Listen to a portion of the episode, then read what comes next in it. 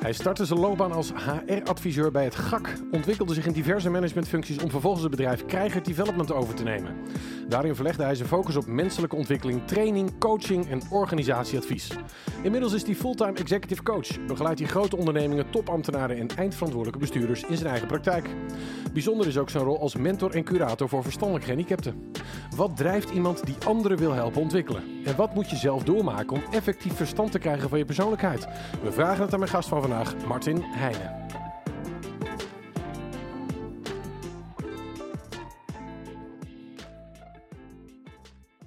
Goedemiddag Martin. Dag Arvid. Van harte, van harte wat klink je bedeesd. Fijn dat je er bent. Ehm, nee, ik heb je een korte introductie gegeven, maar ik ben eigenlijk gewoon benieuwd. Hoe, waar is het allemaal begonnen? Waar is uh, kleine Martin geboren? Kleine Martin is geboren in Huizen in het Gooi. In het Gooi. En Ja. was jij zo'n rechtse kakker of was je dan een, eh, een heel brave links communist? Nee, je had de kakkers en de dijkers. En de dijkers. En ik was een dijker. En wat en, was het eh, verschil? Nou, de kakkers reden op, eh, op Honda's. En die hadden van die lange jassen aan. En, en, en wij reden op een krijtler. Of een zundap. Ja. En wij hadden zo'n forse staart. Zo'n zo'n nepstaart achter onze helm hangen en Oh zo. ja. En soldatenkistjes aan en zo. En, En jij groeide daar op. En wat voor gezin ben je groot geworden? Eh, nou, een, ik- mijn vader eh, was eh, vertegenwoordiger toen ik geboren werd. Eh, ehm, toen ik geboren werd trouwens was hij, was hij eigenlijk, werkte hij nog bij een bedrijf waar ze materialen maakten voor auto's. Maar later werd hij vertegenwoordiger in vleeswaren. Want mijn vader had een, een achtergrond slager. Ja. Ehm, mijn moeder was huisvrouw, zoals dat ging in die tijd. Hè? Nooit gewerkt. Mhm. En ik heb een broer die 11 jaar ouder is en een zus die 5 jaar jonger is. En ze, het grap in de familie was altijd, eh, mijn broer eh, was te vroeg en mijn zus was te, te laat en ik ben de enige die gepland is. Oké. En mijn vader zei dan, en de enige waar we spijt van hebben. Oh, met een glimlach neem ik aan. Hè? Dat wel, ja. Ja. Hey, en hoe was het bij jullie thuis? Was het, heb je het wel ervaren als heel gezellige kindertijd? Nou, het, het, het interessante is dat ik van mijn kindertijd eigenlijk niet zo gek veel meer weet. En be- behalve dan dat, dat er, ja, er was weinig aandacht eigenlijk. Mijn vader was heel eh, veel weg, veel aan het werk, eh, veel met zijn hobby's bezig. Mijn vader had veel hobby's, eh, vissen en knutselen en was er eigenlijk niet. En mijn moeder was er eigenlijk ook niet. En die was aan het werk met, in het huishouden of die was met, met buurvrouwen aan het praten en zo. Dus ik, ik was ook wel redelijk alleen, denk ik. En vond je dat ook wel prettig? Of heb je dat ook als ik heb, eenzaam ik heb, nee, dat, nee, dat kan ik niet zeggen. Ik kan niet zeggen dat ik eenzaam was. Ik had natuurlijk wel veel vriendjes. Maar het is ook niet dat het. Ik heb ook niet een heel slechte herinnering aan mijn jeugd, maar eigenlijk gewoon heel weinig herinneringen. Het, eh, het was niet heel warm of zo. Hm. En dat hoor ik wel eens vaker van, van mensen die in de jaren zestig zijn opgegroeid. Hè. Dat was toch wel een tijd van hard werken en eh, ja, kinderen, kinderen ben hinderen. Hè. Ja. Eh, dus dat, dat, we- ja, ik, ik heb er ook niet een heel groot eh, gevoel bij of zo. Hey, en in jouw kantoor hangt dan zo'n enorm stuk van de werkbank van je vader. Ja. Wa- Was dat omdat hij knutselde dus? Die was dan dingen aan het maken? Ja, mijn vader eh, was eigenlijk altijd boven op zolder te vinden.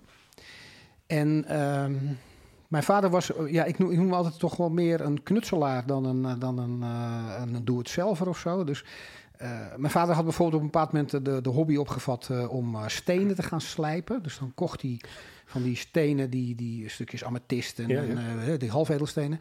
En die moesten dan getrommeld worden. Dus een trommeltje met, met, met eh, zand en eh, met water. En dat werd dan, dan werden ze gladder. En moest, ja. moest steeds gladder. En op een bepaald moment werden ze gepolijst en zo. En die kon je gewoon kopen, die, die apparaatjes. Maar mijn vader maakte dan eerst zo'n apparaat.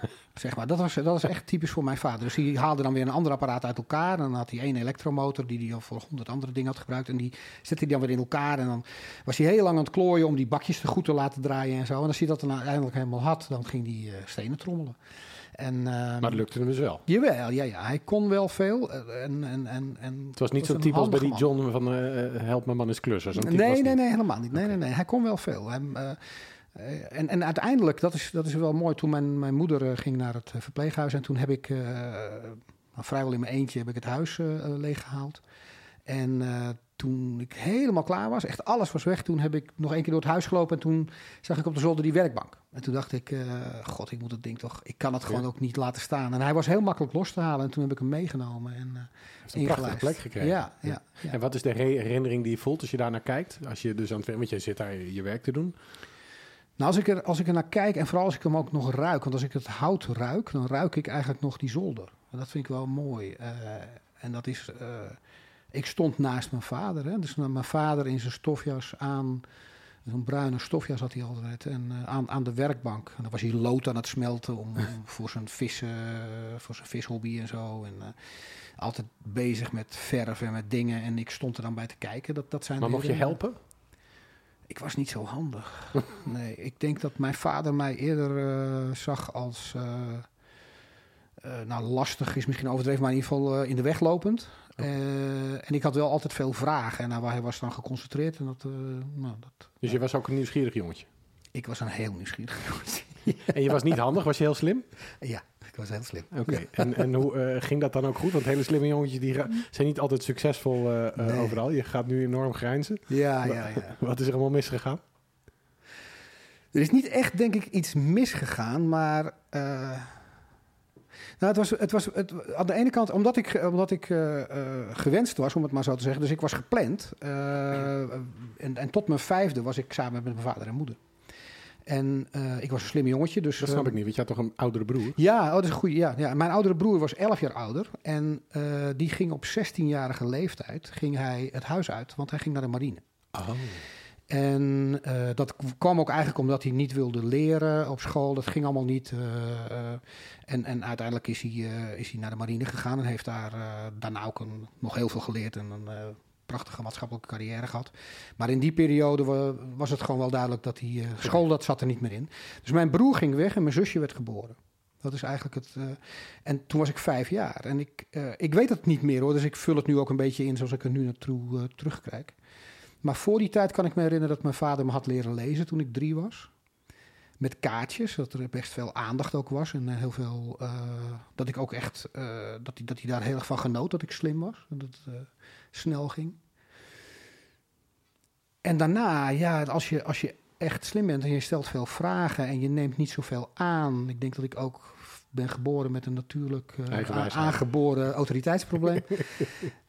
ja, dan, uh, dan verzuurt het een beetje, denk ik. Uh, ik denk wel dat... ik, ik, op de begrafenis van mijn moeder zei een buurvrouw... Ja, wat was jij een lastig kind. Oh, ja. leuke buurvrouw. Ja, nou ja, ik denk ook wel dat, ze, dat de buurt mij zo zag ja, als een heel lastig kind. Maar waar uitte zich dat het lastig in? Want als je veel vragen stelt, vonden ze dat dan lastig dan? Of ja. ging je ook kattenkwaad uithalen? Dat ook, denk ik ja, ik denk dat ik dat wel veel gedaan heb, maar niet, uh, ik denk niet uh, in, in dramatische vorm of zo, maar, maar wel een kind wat, uh, ik, ik heb het achteraf, beschrijf ik het vaak als een soort ruwe diamant. En als je, als je slim bent, ja, je bent, ik, ik, ben, ik was slim, ik was, ben verbaal sterk. En in die combinatie moet je leren eigenlijk om dat te gebruiken. Je kunt het heel makkelijk gebruiken om mensen af te breken en en te sarren of om je gelijk te krijgen, om te manipuleren. En ik denk dat ik dat heel veel heb gedaan. En wat bracht je dat dan? Ja, uiteindelijk uh, natuurlijk uh, dat er gedaan werd wat ik wilde. En dat was toen al heel belangrijk? Ja. En dan ga je naar school en naar de middelbare school. Ging dat allemaal goed dan? Uh, of waren er ook wel eens mensen die zeiden... ja, Martin, met je grote muil, jij bent toevallig slim, maar ik ben heel sterk. Nou, ik was ook wel sterk, dus dat viel wel mee. Dat, dat, dat, dat, dat is nooit, ik, ben nooit, ik ben nooit in vechtpartijen beland of dat soort dingen. Het was wel zo dat ik uh, altijd... Uh, ik, was, uh, ik was ook een jongen die wel gepest kon worden en zo.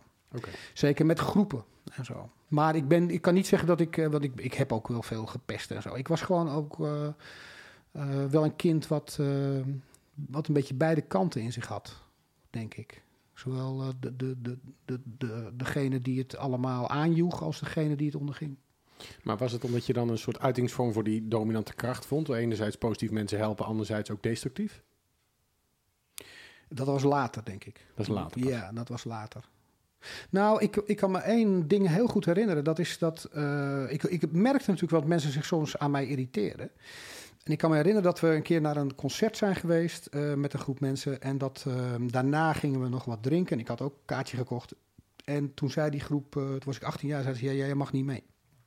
We willen jou er niet bij hebben. Dat is onaardig. Dat is heel onaardig. Maar het heeft me wel, dat is de eerste keer dat ik dacht, Jezus, dit is echt niet goed. Ik moet hier wat aan doen. Maar was je ook eerst gekrenkt of was je alleen maar vertwijfeld? tuurlijk. Ja, gekrenkt. Nou, ik was niet zozeer boos, ik was erg verdrietig. Oké. En ik dacht, ja, dat, moet ik, dat, dat kan niet. Dit moet niet. nee. Dat, zo wil ik niet zijn. En eh, ik, ik, achteraf zeg ik vaak, dat is de eerste stap in mijn persoonlijke ontwikkeling. Toen ben ik gaan denken, ik, eh, ik, moet, ik, moet, hier, ik moet veranderen. En, en later, want je ging na de middelbare school HR-studie doen, toch? Of personeel en arbeid, hoe heette dat toen? Nou, dat heette toen arbeidsverhoudingen. uh, op de Hogeschool uh, De Horst in Driebergen. En uh, daar, daar leerden wij geen vak, maar daar leerden wij de maatschappij omverwerpen. Dat is niet helemaal gelukt en vandaar dat ik uiteindelijk toch nog maar een vak ben gaan leren. En, maar, maar dat heette arbeidsverhoudingen. Was, ik was heel links ook. Hè. Ik ben daar begonnen in 79.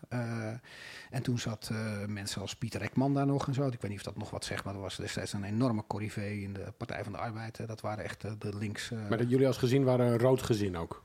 Ja, ja we waren een socialistisch gezin. Mijn vader was socialistisch opgevoed, okay. zei hij altijd. En dat, dat, dat was zeer herkenbaar bij ons. Hoe dan?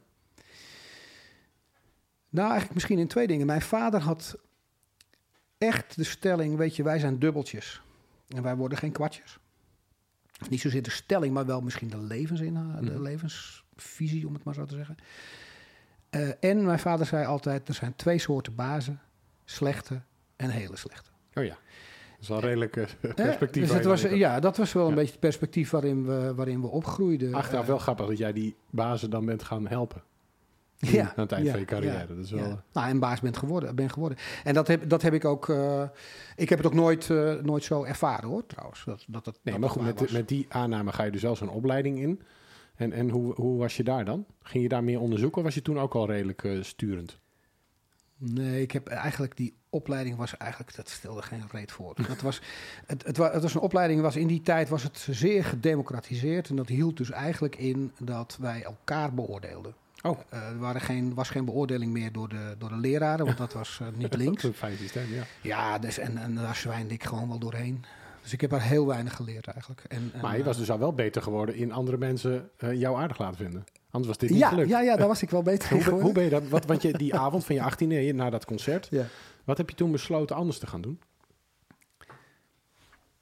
Ik ben vooral uh, meer gaan luisteren naar wat anderen zeiden. En ik ben meer bezig gegaan met het onderdrukken van mijn impulsen om een zeiker te zijn.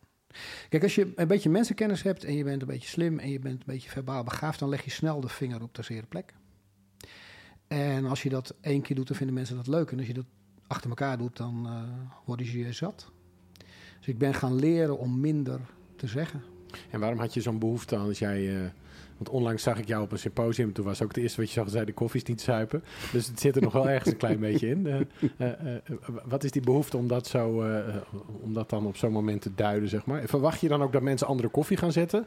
Of is het gewoon ook even een soort manier om even, je, je even te, aarden dan op zo'n plek? Hmm, dat is een goede vraag. Nee, ik verwacht zeker niet dat mensen andere koffie gaan zetten. Alhoewel ik dat wel zeer, zeer op prijs zou stellen trouwens, als ze dat zouden doen. Maar ik weet dat dat niet gebeurt. En ik zeg dat omdat ik uh, dat dan vind en daar dan heel moeilijk aan kan ontsnappen. En in die, laat ik zeggen, relatief kleine dingen uh, uit dat zich nog wel, ja. ja. Ik ben makkelijk kritisch over dingen. Laat ik het zo zeggen, ja. Maar ik ben niet meer... Uh, ik weet wel dat op het moment dat mensen daar wat van zeggen... of dat mensen erop gaan reageren... dan ben ik wel beter in staat nu om te denken... oh, oké, okay, wacht even, dit werkt wel en dit werkt niet. En, uh, nu moet ik even mijn mond houden, nu moet ik even... Maar is dat dan een truc? Die je, is, het, is het zeg maar een, een omgangsvorm die je zelf hebt aangeleerd? Ja, maar dat vind ik geen enkel probleem. Ik vind trucs prima. Nee, ja, ik probeer het ook niet te voordelen. Nee. Maar het vroeg me gewoon nee. af, voelt het als een truc of voelt het als een echt een intrinsieke verandering bij jezelf of zo? Nou, het voelt als, een, als beide eigenlijk, want het is, het is een truc in de zin dat ik, uh, dat ik iets niet doe of inhoud wat ik eigenlijk wel vind. En het is een intrinsieke verandering dat ik dat doe omdat ik denk dat het gewoon beter is voor uh, mijn omgeving en de mensen om mij heen. En, en dus en, ook voor jou. En dus ook voor mij. Ja. En, en, dat het mijn relaties beter maakt. Hey, en, en, en jij eh, ging uh, na, die, uh, na die studie ging jij uiteindelijk nog IT doen, hè, een informatica-opleiding. Ja. Hoe kom je daar nou weer bij? Ja, ik, ik was klaar met die HBO-opleiding en ik heb dienst geweigerd.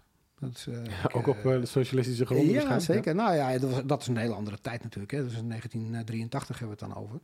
Dus het was nog het staatje van de Koude Oorlog, om het maar zo te zeggen. En ja, ik zag geen enkele meerwaarde in, in militaire dienst gaan. En, ik heb... Maar om je autoriteitsproblemen of gewoon omdat je... Ook denk ik, ook denk ik. Nou ja, ik was een enthousiaste padvinder. Dus ik, ik okay. was op zich wel een... ik, ik heb van mijn 60 tot mijn 23 op de padvinderij gezeten. En ik heb ook heel veel geleerd trouwens, maar een hele mooie tijd geweest. Um, dus ik op zich was ik helemaal niet zozeer tegen, nou ja, de, de, de, de, structuur aan zich, maar vooral tegen het wereldbeeld wat, uh, van wederzijdse vernietiging. En het verhaal ging ook dat als de, als de Russen zouden komen, dat, dat de, de troepen in West-Duitsland precies 20 minuten stand konden houden of zoiets ja. was het. En ik dacht, ja, dat ga ik dus niet doen. Nee. En ik, ik geloofde ook niet dat, dat geweld, geloof ik nog steeds niet, dat geweld uh, iets bijdraagt aan de oplossing van, uh, van de wereldproblemen. Dus ik had dienst geweigerd. En toen werd je, dan word je dus ex, te werk gesteld erkend gewetensbezwaren. Ja, ja. Dat was mijn eerste officiële titel. en, uh, en ik moest... dan moet je een soort, soort pro, sociale dienst moet je Exact, exact. Ja. ik moest, je moest of 14 maanden in dienst, of je moest 18 maanden en 20 dagen kutwerk doen. Uh, ja.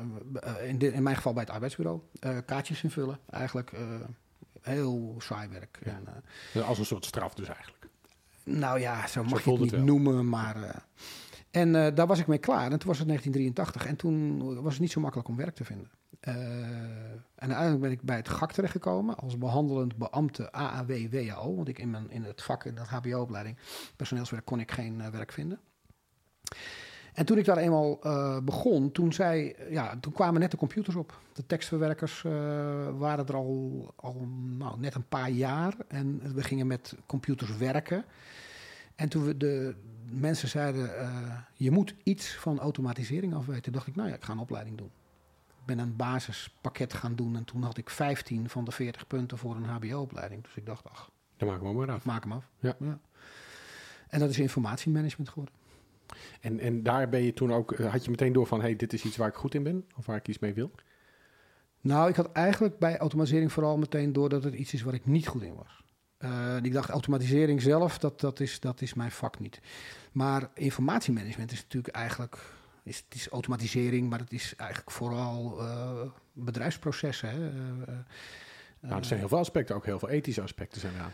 Ja, ook. En, en dat kwam natuurlijk pas later toen ik in dat vak terecht kwam. Want ik, ik ben informatiemanager geworden. Uh, want ik had een, inmiddels was ik, uh, was ik personeelsconsulent geworden bij het GAK. En, en daar werd een nieuw systeem ingevoerd. En ze wilden een informatiemanager hebben bij die dienst uh, personeelszaken. Dat ben ik toen gaan doen. En dan kom je ook met, met dat soort vraagstukken in aanraking. Ja. Hey, en en nog even een klein stukje terug in de tijd. Want op de middelbare school ben jij al jouw vrouw tegengekomen. Ja. Gerdien. Gerdien, ja. En, en hoe is dat dan? Want die kennen jou dus nog uit de tijd dat je nog heel onaangepast was. Ja. En toch dacht ze, ja. dit is hem. Ja, ja, toch dacht En dat denkt ze nog steeds. Ja, dat is bijzonder. Ja, ja, ja, ja. Hoe heb je dat voor elkaar gekregen dan? Of was je bij haar toch anders? Dat zou je eens aan haar moeten vragen. Dat denk ik gaan even wel. Nee. Ja, we gaan, ja, ze is nu aan de lijn. Ja, ja. Nee, ik denk het wel eigenlijk, ja. En liet je dan je schild bij haar daar naar beneden of zo? Was dat, is dat het verschil? Ik denk het eigenlijk wel, ja. Ze, ze is verliefd op me geworden omdat ik zo stoer was. En waarom ben jij verliefd op haar geworden? Omdat zij ook uh, echt wel een, een, meid was die dingen durfde. Dus ik denk dat we wel een beetje hetzelfde in elkaar zagen. Gewoon een beetje uh, ja, wijf met ballen, weet je wel. Die, uh, en omdat ik gewoon verschrikkelijk aardig vond. En omdat ik heel graag wilde zoenen. En op dat moment was iedereen die... dit is jammer. dit klinkt, is sorry schat, dit klinkt heel, on, heel onaardig. Het ging meer om die andere dingen hoor, dat weet je. Ja, ja, ja, ja. nou, maar het is heel bijzonder dat je zo lang stand houdt in een relatie met iemand die je zo, zo jong ontmoet. Ja. Dus dan zit er ook wel iets in jou wat aardig kan zijn dus. Er zit vooral heel veel trouw in mij. Ja, ik, ben, ik vind trouw een van de belangrijkste, zo niet het belangrijkste in het leven. Trouw zijn aan mensen, aan wat je aangaat. Oké. Okay. Ja. En van wie heb je dat geleerd? Of heb je dat zelf besloten? Ja, ik denk het wel. Heb je ook ervaren hoe vervelend het is als mensen niet trouw zijn? Nee, dat valt wel mee eigenlijk. Ik ben niet heel veel Hoe kom je aan zo'n belangrijke waarde dan? Als dat zeg maar het fundament of als het basiswaarde in je leven is? Hoe kom je daar dan Dat aan? weet ik echt niet. Nee, ik denk inderdaad dat het in een gewoon... Donald Duck je dacht, ja, Nee, leuk. dat is, het, het- ik ben, me, ik ben toen, ik, toen ik ging coachen, ben ik me gaan verdiepen in wat. wat ja, dan gaat het over waarden opeens. En dan ga je je afvragen: oké, wat, wat, wat, welke waarde heb ik eigenlijk? En het eerste wat mij daarbij eh, te binnen schoot is trouw. Ik wil, ik wil heel graag trouw zijn aan. En ik vind het ook heel belangrijk dat trouw te zijn aan de mensen om mij heen. Ook als het moeilijk wordt. En, eh, eh, ik wil mensen niet verliezen. Ja, ik, en dat, dat, het, het is ook een beetje hoe mijn leven is gelopen. Ik ben nu, eh, wat is het, dit jaar? Vanaf 1975, dus 44 jaar samen met Gedien. Hm. En ik woon al eh, 32 jaar in hetzelfde huis. En ik ben eerst 15 jaar bij het GAK gebleven. En toen eh een kleine tussenpoos nu. eh, Dus je houdt eigenlijk ook niet van verandering. Ik ben er niet gek op, nee. Nee. Dat is wel bijzonder voor iemand die zo onderzoekend en slim en ondernemend en stout is. Ik ben niet zo'n. Ik ben, niet, in- ik ben in ieder geval niet iemand die. Laat ik zeggen, ik, vind, ik, ben, ik, ik hecht aan veiligheid en aan geborgenheid en aan, aan mijn eigen plek. En, en eh, jij zat in die, eh, bij het GAK en je ging die informatica doen. En op een gegeven moment neem je dan ineens een bedrijf over. Als je, als je niet van verandering houdt en eigenlijk best wel die geborgenheid en veiligheid zoekt, was dat nogal een stap. Had je gedronken die avond? Wat was er aan de hand? Nou, ik werkte toen al niet meer bij het GAK. Want ik, had, ik was gestopt bij het GAK na 15 jaar, omdat het eh, nou, gewoon klaar was. Genoeg gedaan en mooie dingen gedaan, maar ja, het was klaar. Toen heb ik een paar maanden wat rustig aangedaan en toen ben ik voor een kleiner ICT-bedrijf gaan werken. En eh, in het pand waar we toen werkten, eh, daar zat een bedrijf, krijgen consultants heette het toen nog, en dat stond te koop. En mijn, eh, mijn baas, de, de, de baas van het bedrijf waar ik toen werkte, die zei: Goh, joh, is dat niet wat voor jou? Want dat is een grote mond over coaching en management development. Maar hoe kon je er, waarom had je er toen al een grote mond over? Je deed het toch niet, of wel? nou, ik, ik, was in die, ik was bij het GAK wel al gaan coachen. En Ah, ik oké. was bij het GAK al. Dus jij was een van de eerste coaches in Nederland. Toen het nog helemaal niet hip was. Nou, het was zeker nog niet hip in ieder geval. En, eh, en het, de, ik wilde een coachopleiding volgen in die tijd. En die waren met een lantaarnetje te zoeken. Eh, Dat was echt heel weinig. Eh, En hoe kwam je daarbij? Wat, wat heeft je daarin getriggerd? Had je zelf iemand gehad die jou begeleid had? Of, of verzo- oh, nou, je googelt ook niet echt in die tijd, hè? nee. Eh, nee. Hoe kom nee. je daar dan bij? Nou, het, het is eigenlijk zo gegaan dat ik ben... eh, ik werd informatiemanager. eh, dat ging goed. Op een bepaald moment werd ik projectleider, projectmanager. En toen werd ik gevraagd voor een leidinggevende rol. Wil jij een beheerteam aansturen? En dat waren eerst 25 mensen, toen 40 mensen en toen 60 en uiteindelijk 200. En als dat er zoveel worden, dan ken je ze niet meer. Mhm. Dat, is, dat zijn er gewoon te veel. En bovendien, eh, ik had een duidelijk beeld over hoe ik vond dat leiding gegeven moest worden. Maar dat deed ik eigenlijk niet meer zelf direct aan die. Dat die aan de 200 mensen die daar weer leiding geven. Ja. Exact. Dus ik, ik, ik dacht, als ik wil dat er goed met die mensen omgegaan eh, wordt, dan moet ik ervoor zorgen dat die, eh, die teammanagers onder mij, dat die goed gaan leiding geven. En hoe krijg ik dat nou voor elkaar? Hoe, hoe begeleid ik die mensen eh, in, het, in het oppikken van dat vak? En toen ben ik me gaan verdiepen in coaching en management development. En, eh, en, en ben ik trainingen gaan volgen. En, dus ik was, al, ik, ik, ik, ik was al wel daarmee bezig. En je sprak daar dus ook over met mensen, want die baas die je toen had, die wist dit Ja. en die dacht, dit is iets voor jou. Dit is iets voor jou. Ja, waarom, dan- ga, waarom neem je dat niet over? En dan gaan we er samen in investeren. Dus hij wilde je ook helpen. Ja. Ja. En, en die heeft samen met jou het bedrijf gekocht. En toen werd je op een dag wakker en toen dacht je, shit, ik heb een bedrijf. Dat is eigenlijk bijna letterlijk zoals het is gegaan. Het was in drie maanden heb ik het gekocht. Ik weet nog wel dat ik, eh, dat we, ik zou 50% nemen van het bedrijf. En toen ben ik naar een adviseur gegaan hier in Friesland, niet ver vandaan, in Sneek. En, eh, daar zitten de allerbeste adviseurs. Daar zitten de beste adviseurs, Ja, ja, weer. En, eh, en, en die zei tegen mij, ja, weet je, Martin, mijn docent boekhouden, zei vroeger tegen mij, zei hij dus, eh, als je een schuld afbetaalt, dan word je niet armer. Want tenslotte was dat geld dan niet van jou. Mhm. Ehm, en realiseer je dat je dus nu een verplichting aangaat. Hè? Ik moest natuurlijk zoveel, ik moest eh, in de, in de- vijf jaar daarna nog eh, betalen aan de, Ja. aan de vorige eigenaar. Dus realiseer je dat je een schuld aangaat. En dat dat geld dus niet meer van jou is. Jij moet dat geld gaan ophoesten.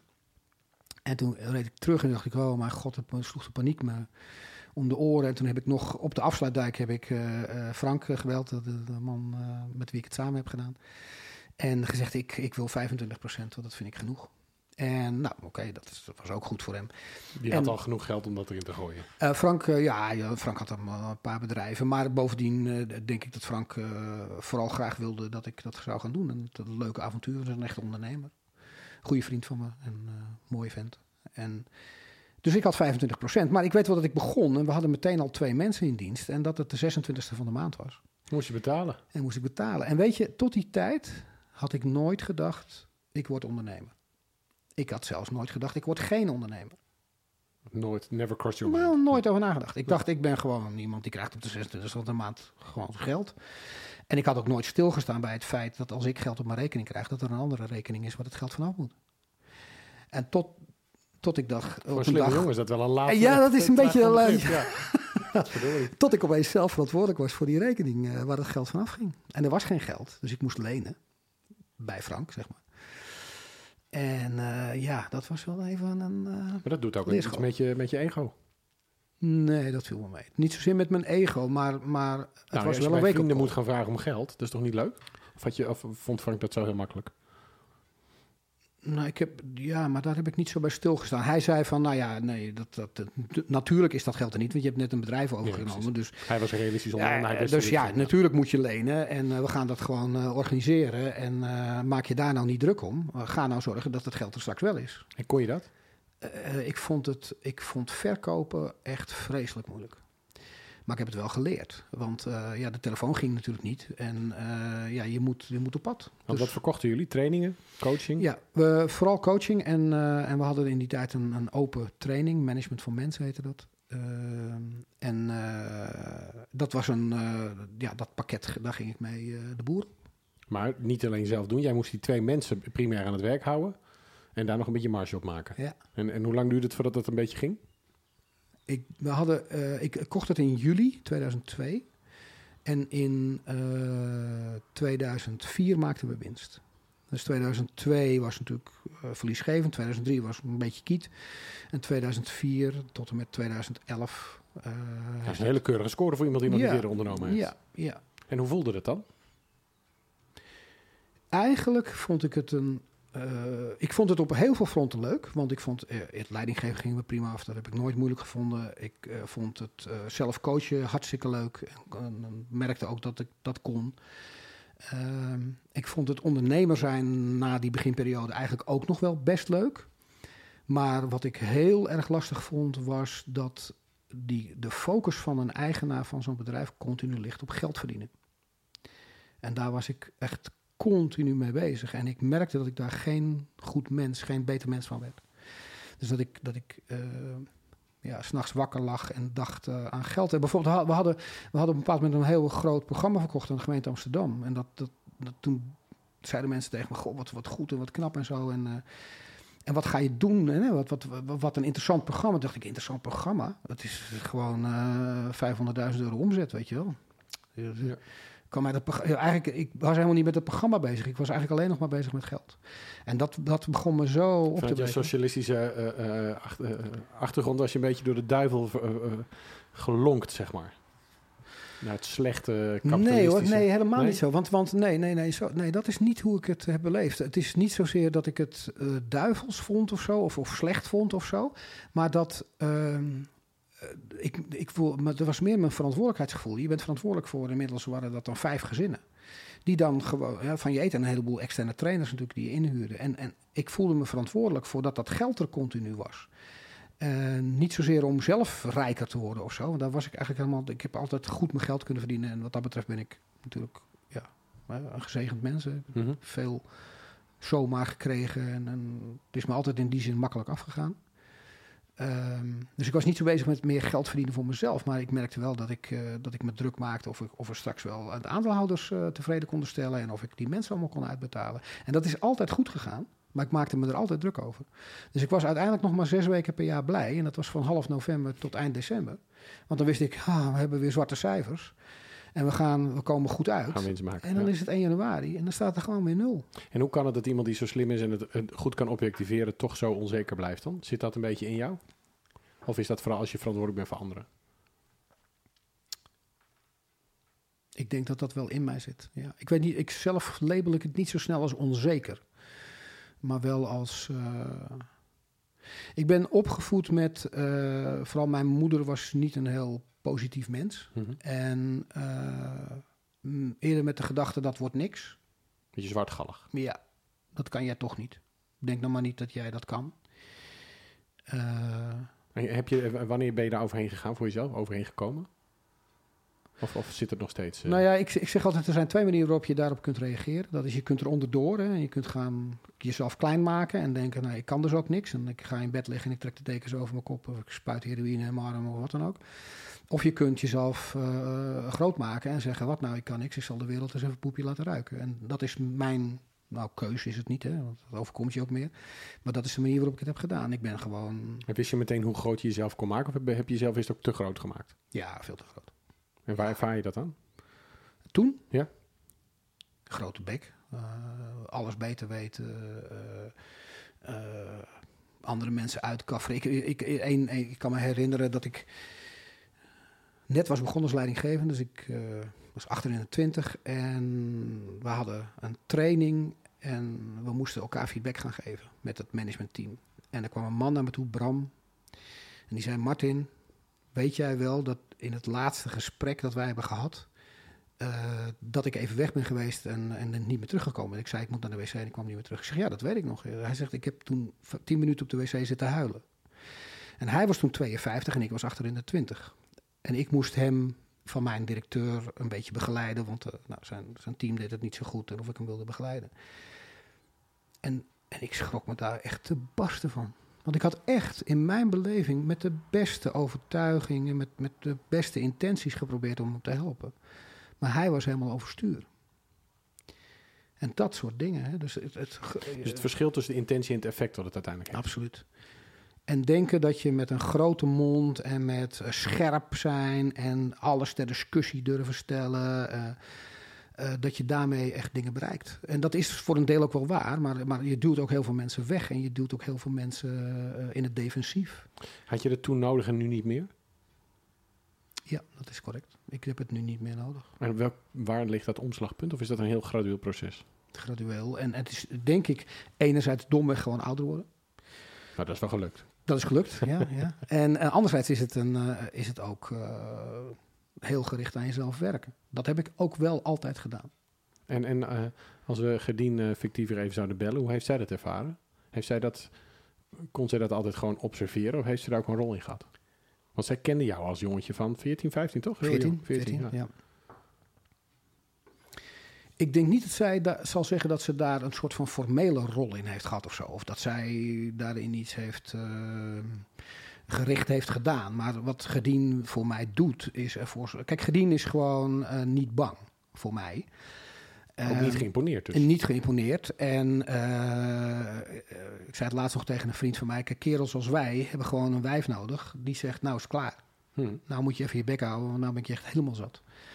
En als ik dat niet heb, dan ga ik door. En Gedien kan dat gewoon heel goed. En ik kan het van haar horen. En niet, altijd, niet altijd blij is het zegt, maar ik kan het uiteindelijk dan wel horen. En dan denk ik, oké, Zij is het hek met schrikdraad dat jou van de echte... dat, eh, Grote dat weg zeker, ja, Ja. zeker, ja. ja ze, heeft, eh, ze heeft in die zin heel veel voor mij betekend in het richten van mijn energie en het, eh, en het, ja, het zorgen dat ik, dat ik doorging in de momenten dat het moeilijk werd en zo. Dat heeft ze heel veel gedaan, ja. En dan ben je eigenlijk voor iemand die dat soort uitdagingen heeft, eigenlijk al met je, met je gezicht de lava ingedoken. Want je bent mensen gaan coachen. Dat vraagt natuurlijk de ultieme afstemming en ook eh, connectie. Hoe, hoe, eh, hoe ben je jezelf dat eigen gaan maken? Want dat is natuurlijk, op dit moment is iedereen coach. hè. Er zijn ongeveer, weet ik veel, tienduizenden mensen die dit claimen te zijn. Jij bent een van de mensen die echt heel vroeg hiermee is begonnen.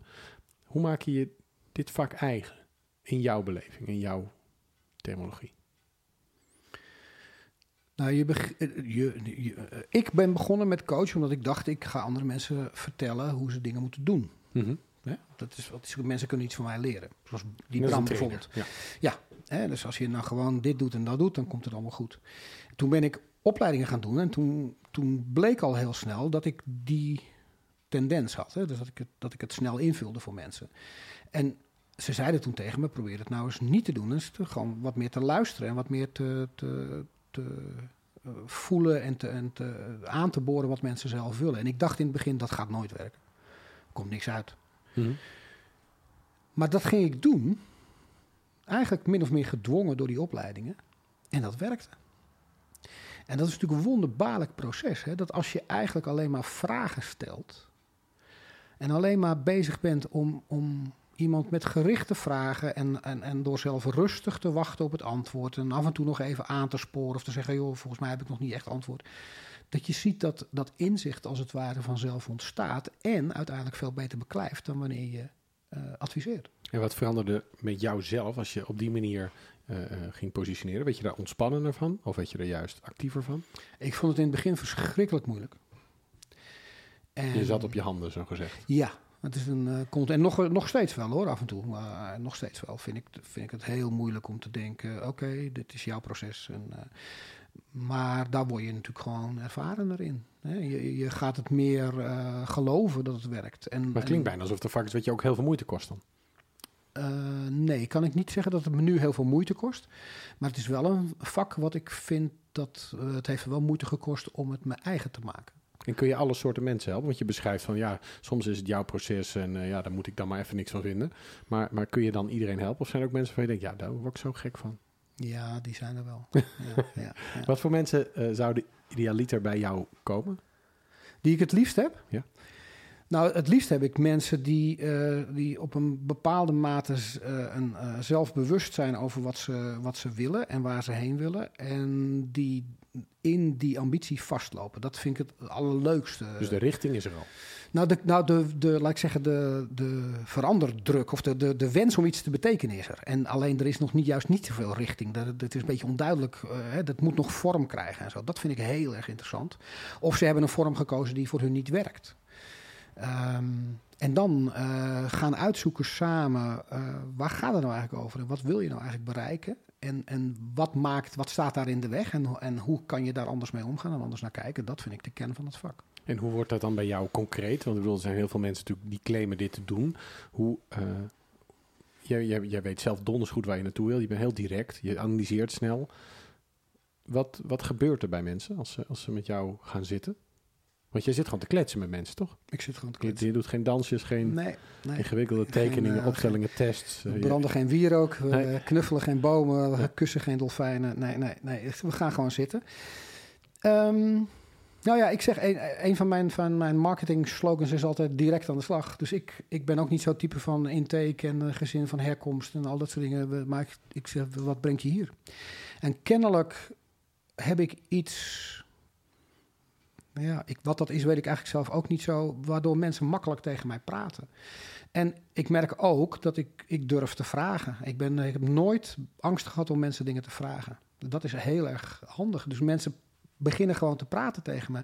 En als maar je, dat zijn wel mensen, wat je zegt, zomaar mensen. Maar eh, ik bedoel, je, je werkt als executive coach, je werkt met lastige mensen, ook met, met, dominante mensen. Zeker. Ja, dat, is het ook gewoon soort zoekt soort in die wereld? Nou, bij, de, bij de, de, de echte dominante mannen, meestal mannen, soms ook vrouwen, eh, daar moet je wel altijd eerst even. die willen altijd eerst eventjes je credentials zien en die willen eerst even prikken en duwen. Even kijken of jij ook wel of je van voldoende kaliber bent. Hè? Maar vind je het leuk? dat? Jawel, ja, ja, ja, dat vind ik wel leuk. Maar het is natuurlijk een symptoom, hè? Dus, Nee, dat dus- begrijp ik. Maar, maar ik, want je zegt van, ik kan makkelijk met mensen praten. Maar het zijn natuurlijk ook mensen die ook deels op jou lijken... of een beetje de- een, eenzelfde sterke persoonlijkheid hebben. Die mensen wel, ja. Ja. Maar er zijn er ook heel veel die, die natuurlijk met een heel ander vraagstuk En die praten even makkelijk met jou? Misschien soms nog wel makkelijker, ja. Hoe kan dat? Want jij hebt die, je doet dit al jaren, dus daar heb je over nagedacht. Hoe kan dat? Ik weet het niet. Is het een hoog oxytocinegehalte? Knuffelhormoon. Ja, Ja, zou dat het zijn? dat het zijn? knuffel- Ik weet het niet. Ik, ik, ik, ik, oprecht, ik denk dat als iemand tegenover je gaat zitten en oprecht aan jou vraagt, want dat, is, dat merk ik wel. Ik ben oprecht geïnteresseerd. Ik wil het gewoon echt heel graag weten. En die stelt vragen en die kijkt je aan en die wacht op antwoord en die reageert daarop en stelt nog een vraag en eh, oordeelt daar niet over, of althans eh, niet zichtbaar. Hè? Dus, want dat, Maar is dat omdat jij zelf een, bijzondere eh, ontwikkeling hebt gemaakt... dat je niet makkelijk of niet snel oordeelt? Nou, nee, ik geloof, nee, ik oordeel heel snel. En, en, en mensen zijn oordeelmachines. Mensen doen Maar niet waarom anders. doe jij dat dan niet? dat Ik doe dat ook. Alleen ik, ik ben, eh, eh, ben Maar je zei net, eh, iemand die nog een vraag stelt en niet oordeelt. ja, niet oordeelt, niet, ik oordeel wel in mijn hoofd, maar ik, ik spreek dat oordeel niet uit. Oké. Er gebeurt natuurlijk van alles als ik met iemand praat. Ik, ik vorm mij meteen beelden en oordelen. En Maar is het elke keer weer een puzzel, zo'n cliënt? Ja, ja, dat is elke keer wel weer een puzzel. Alhoewel ik wel merk dat eh, als je meer ervaring hebt, dat die puzzels in zekere zin ook weer wat makkelijker worden. Omdat het je is al eerder gelegd hebt. Nou, dat niet. Kijk, uiteindelijk is natuurlijk elk mens uniek in de zin dat, het, dat elk mens een soort van eh, verzameling van bouwstenen is die in zichzelf als verzameling uniek is. Maar de bouwstenen zijn natuurlijk eh, bekend. Hè? En een van de uitspraken binnen provocatief coachen is: al het persoonlijke is universeel. Hm. En dat is ook zo natuurlijk. Alle jouw persoonlijke ervaringen zijn in zekere zin ook mijn persoonlijke ervaringen. Hè? Ook, ook jouw moeder is overleden, mijn moeder is overleden. Nou ja, dat, hè? daar hebben we dingen mee meegemaakt. En die dingen zijn vergelijkbaar. Niet per se hetzelfde, maar wel vergelijkbaar. Mhm. Dus je kunt wel degelijk iets zeggen natuurlijk over eh, le condition humaine. Hè? Je, je, het is niet alleen maar allemaal vaag en, eh, en uniek. En ik geloof ook niet dat het werkt om mensen alleen maar te zien als unieke wezens. Die allemaal heel speciaal en bijzonder zijn. Nee, want dat is een tendens in de maatschappij dat we allemaal onszelf willen zijn en ook eh, willen worden wie we eigenlijk zijn. Hoe, hoe kijk je ernaar als dat soort stromingen, als mensen met die vraag bij je komen? Martin, ik wil worden wie ik, wie ik ben, wie ik, echt, wie ik echt ben. Ja, nou dan zeg ik dat ben je al, want je bent namelijk wat je doet. Op gedragsniveau. Ja, ik geloof mensen worden gedefinieerd door hun gedrag en niet door eh, hoe ze zich van binnen voelen. Dus als ik eh, mijn hond schop eh, en van binnen van, van het beest hou, eh, dan zal die hond toch eh, na verloop van tijd Gaan wel, wel weglopen of zo. Ja. Ja. Dus, dus, weet je, je bent, je bent wat je doet. De vraag is niet zozeer wie ben je. Dat is een, eigenlijk, vind ik, vrij irrelevante vraag. Het is interessant om je erin te verdiepen en dus, dus uit te zoeken. En dat is waar zo'n gesprek als dit over gaat. Hè. Wie ben je? Maar het, is een, het rijdt al snel tot navelstaarderij en het is een bodemloze put van Nou, maar je beschrijft ook dat er best wel veel verschil zit tussen wie jij diep van binnen eh, ja, bent, hoe je ontwikkeld bent, hè, wat je leergeschiedenis is, en hoe je eh, heel bewust je gedrag daarbij. Hè, dus je zit in een gesprek, je zegt ik oordeel wel, maar ik zeg het niet. Nee. Ben je, eh, kost het veel energie of is, dat, is gedrag ook iets wat je kunt automatiseren op dat vlak? Nou, vo- voordat ik je vraag beantwoord, om het dan even af te maken. Want ik, ik zeg de vraag wie ben je vind ik niet zo relevant. Maar de vraag wie wil je zijn, dat is de relevante vraag in het leven. Wie wil je nou eigenlijk zijn? Want en dat je- zijn weer die waarden. En dat zijn die waarden. En, en, eh, eh, en ik geloof dat, dat eh, op het moment dat ik iemand aan het coachen ben, is het voor mij niet dienstig, niet zinvol om al mijn oordelen uit te spreken. Dus doe ik dat dan ook niet. En in die zin ben ik op dat, wil ik op dat moment iemand zijn die bijvoorbeeld een professionele coach wil zijn of een, of een, een, een, een oprecht belangstellende wil zijn en die dan denkt, oké, ik vind hier iets van, maar dat is op dit moment niet relevant. Moet je dus heel diep gegrond verstand hebben van wat eigenlijk je neigingen zijn. Dat is sowieso een voorwaarde voor coaching. Als je coach wil zijn. Je moet zeer diep kunnen voelen wat van jou is en wat van de ander is. Als je dat niet kunt, dan kun je beter niet aan het vak beginnen. En, en leer je mensen dat ook? Om coach te zijn? Nee, ja, oh, nou ja, ja goed. Je, eh, maar ook je cliënten bijvoorbeeld. Leer je ze ook om daar dichterbij te komen, om die zelfkennis op te doen? Is dat wat je bevraagt? Nee, dus niet zo. Nou ja, ja, natuurlijk, want dat gebeurt bijna automatisch eh, altijd in de coachtrek ook wel. Maar eh, het is niet mijn specialiteit. Ik vind, ik heb Wat het is je zelf specialiteit dan? eh, gedragsverandering. Dus ik vind niet dat mensen zichzelf per se hoeven te begrijpen om hun gedrag te veranderen. Maar gedragsverandering is heel moeilijk. Ja. Hoe veranderen mensen hun gedrag? door zeer gedisciplineerd en met een lange duurzaamheid daaraan te werken. Maar moet jij ze dan ook elke week zien? En, en Nou, niet elke week, maar wel frequent. En eh, eh, het, ik zeg ook altijd, ik geef geen eh, zoet medicijn. Ik heb een bitter medicijn. Het bittere medicijn is, als jij wil gaan doen zoals je wil zijn... dan zal je aanlopen tegen dat je hoofd gaat zeggen... ja, maar dat kan niet, dat mag niet, dat hoort niet, het is, of ik durf het niet of wat dan ook. Dus je gaat juist heel veel ervaren, heel veel geluid in je hoofd ervaren... over hoe moeilijk het allemaal is om te zijn wie je wil zijn. Hey, en er zijn er ook mensen die dat helemaal niet kunnen. Want die zijn bijvoorbeeld verstandelijk beperkt. Ja. En nou ben jij mentor en curator. Hoe, hoe ben je daarin beland? Een, eh, een goede kennis zeg maar, belde mij op en zei... zou jij curator van iemand willen zijn? Een verstandelijk gehandicapte man.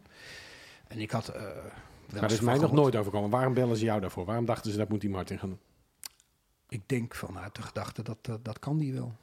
En ik was, een- eh, mijn- mijn Gerien is, is eh, orthopedagoog en werkt in de, in de zorg voor verstandelijk gehandicapten. En die man was de man van een collega van haar. Dus eh, ik denk dat hij ook wel heeft gedacht, nou ja, er zit in ieder geval nog iemand naast die, eh, Die er wel verstand van heeft. Ja, ja. die, kan hem, die kan een beetje begeleiden. Oké.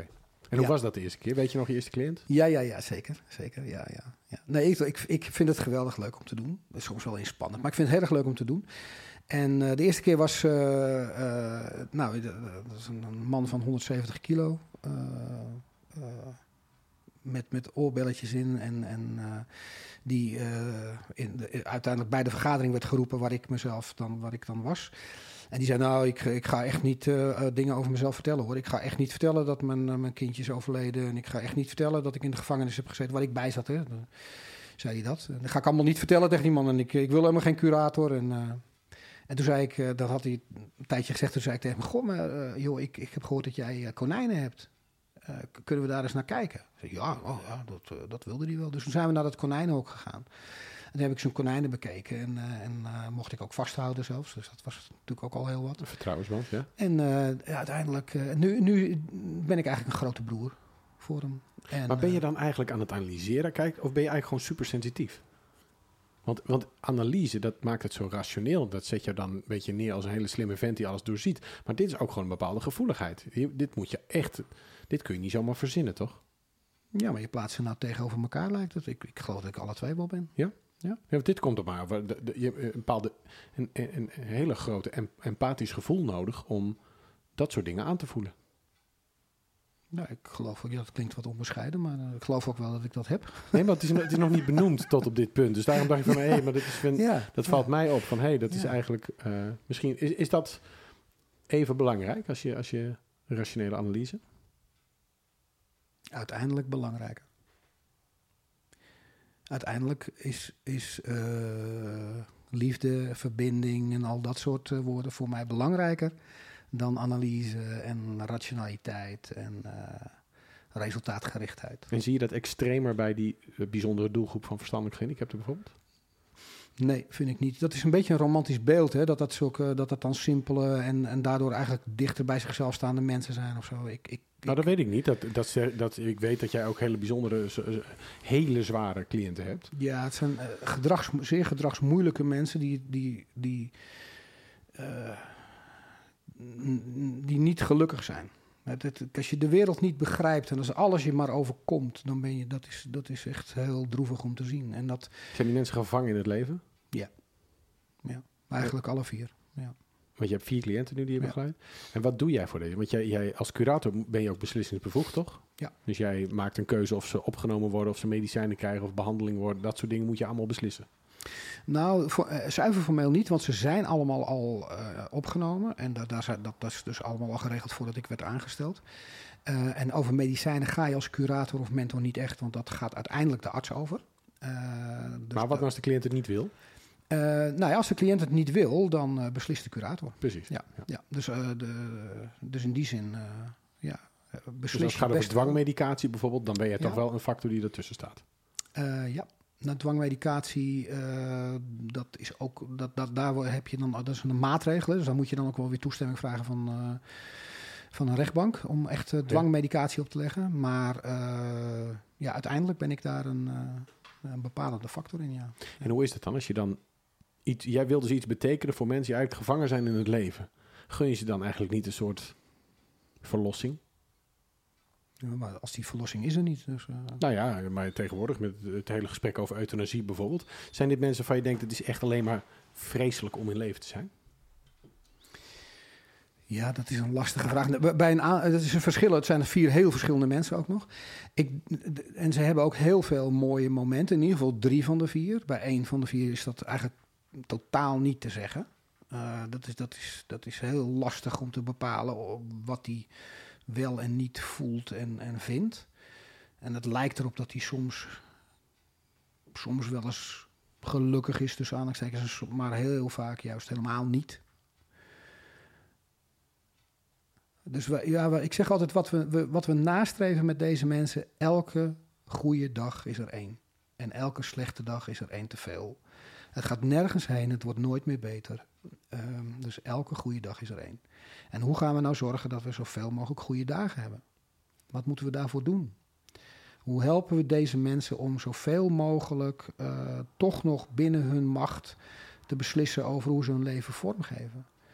En dat is wel een mooi proces. En ik denk dat het ook wel uitmaakt dat, dat wij in een land wonen waarin, waarin we deze mensen dit ook gunnen en ook daadwerkelijk aan werken om dat voor elkaar te krijgen. Maar, maar wat gunnen we ze dan eigenlijk als we ze continu zo bezighouden? Want je zou ook kunnen zeggen, ze hadden het alleen niet gered. Nee. Nou ja, of, of niet gered. Ja, dat, weet je, in een land als... Uh, een van de mensen die ik, uh, waar ik mentor van ben, uh, komt uit Afghanistan. In, in zo'n land was zo'n jongen al lang overleden. En, en is het dan eigenlijk niet breder om dat dan hier allemaal in stand houden... als je zegt dat ze eigenlijk ook zoveel ongelukkig zijn? Het zijn natuurlijk ethische vraagstukken. Ja, het zijn ethische vraagstukken, maar, het is natuurlijk, maar, maar, maar, maar wat is het alternatief? Dat we zeggen, nou ja, we vinden jouw leven niet de moeite waard, dus... Uh... Nee, ik weet helemaal, ik heb geen idee hoe zo, zo iemand daar zelf naar over denkt. Dat, dat boeit me eigenlijk wel. Ik heb geen idee, maar ik stel de vraag omdat...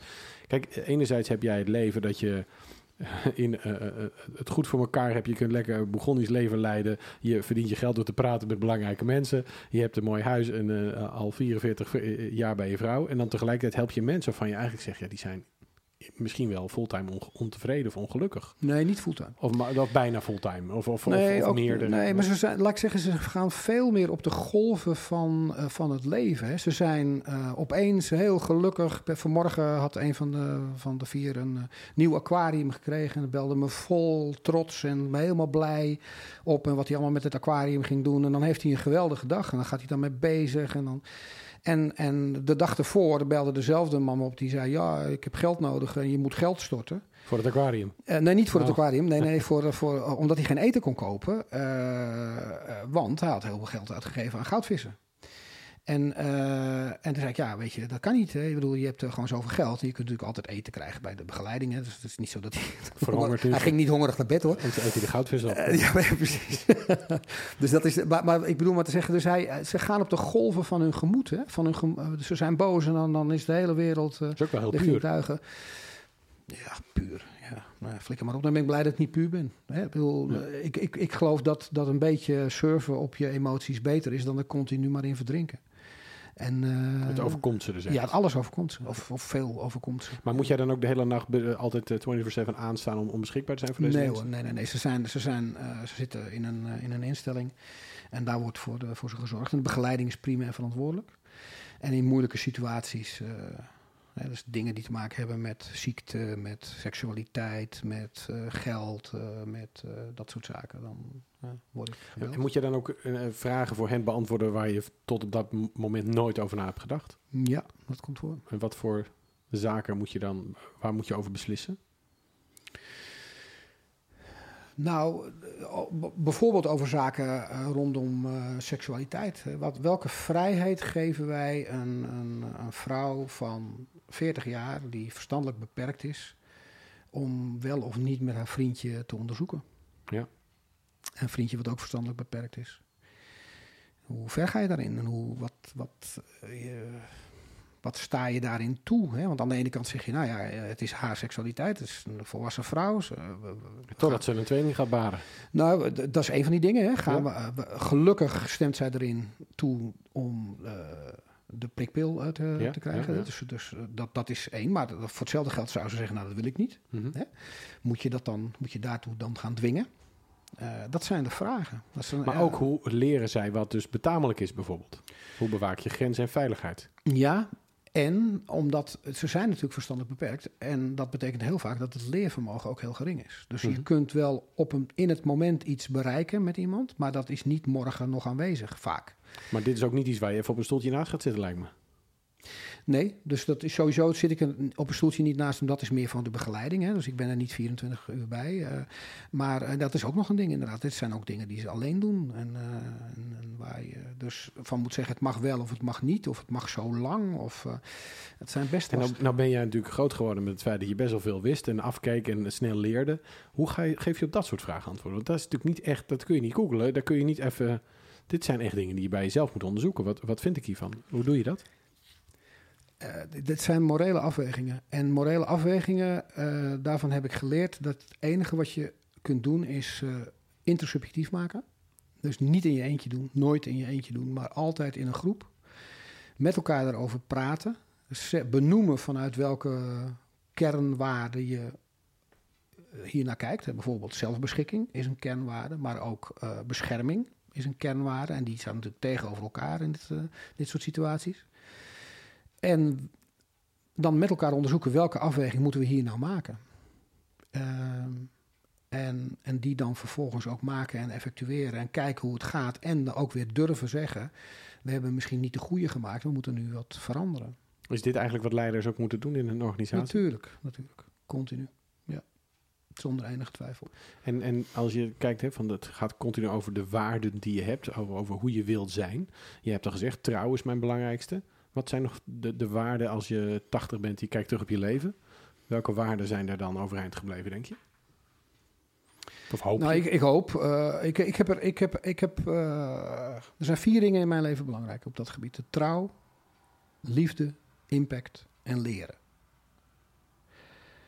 Trouw hebben we het al even over gehad. Ik, ik denk dat liefde de, de kern is. Dus dat als je, dat je de, oprechte wens om aan andere mensen te verbinden en om, om, uh, om, om andere mensen op een of andere manier te steunen of wat dan ook. Hè, daar, daar een bijdrage aan te leveren en, en mezelf ook uh, onder hen te begeven. En, en... en moet je dan ook van jezelf kunnen houden? Ja, ik, heb, ik heb zo weinig met dat van ja, jezelf houden. Je nee, hebt het over liefde, ik stel de ja, vraag maar. Ja, ja ik, ik, heb niet zoveel met van jezelf houden eigenlijk. Waarom niet? Ja, ik weet het niet. Moet het wederkerig zijn? Als jij van mensen houdt, moeten ze ook van jou houden? Nee, want dat is meer de categorie trouw dan. Hè? Dat, dat, dat, dat kan niet altijd. En zeker bijvoorbeeld met deze mensen waar ik het nu over heb. Dat, die, die vier uh, mensen waar ik mentor voor ben, daar, daar krijg je nooit iets terug eigenlijk. Hè? Dus die, die houden helemaal niet van mij. Die vinden me vaak alleen maar lastig. En, en, uh, uh, dus maar dat zijn extreme gevallen. In de, in de mensen die, die je normaal gesproken ziet, is, is liefde niet per definitie wederkerig. Dat kan ook eenzijdig zijn. Ja, denk ik wel. Ik denk niet dat je, laat ik zo zeggen, dat het niet begint met de, de eis om wederkerig te zijn. Uh, of de eis tot wederkerigheid. Dat is denk ik niet een goed begin van liefde. Dus dan hebben we trouw en liefde en die andere twee? Impact. Ik wil ook iets bereiken.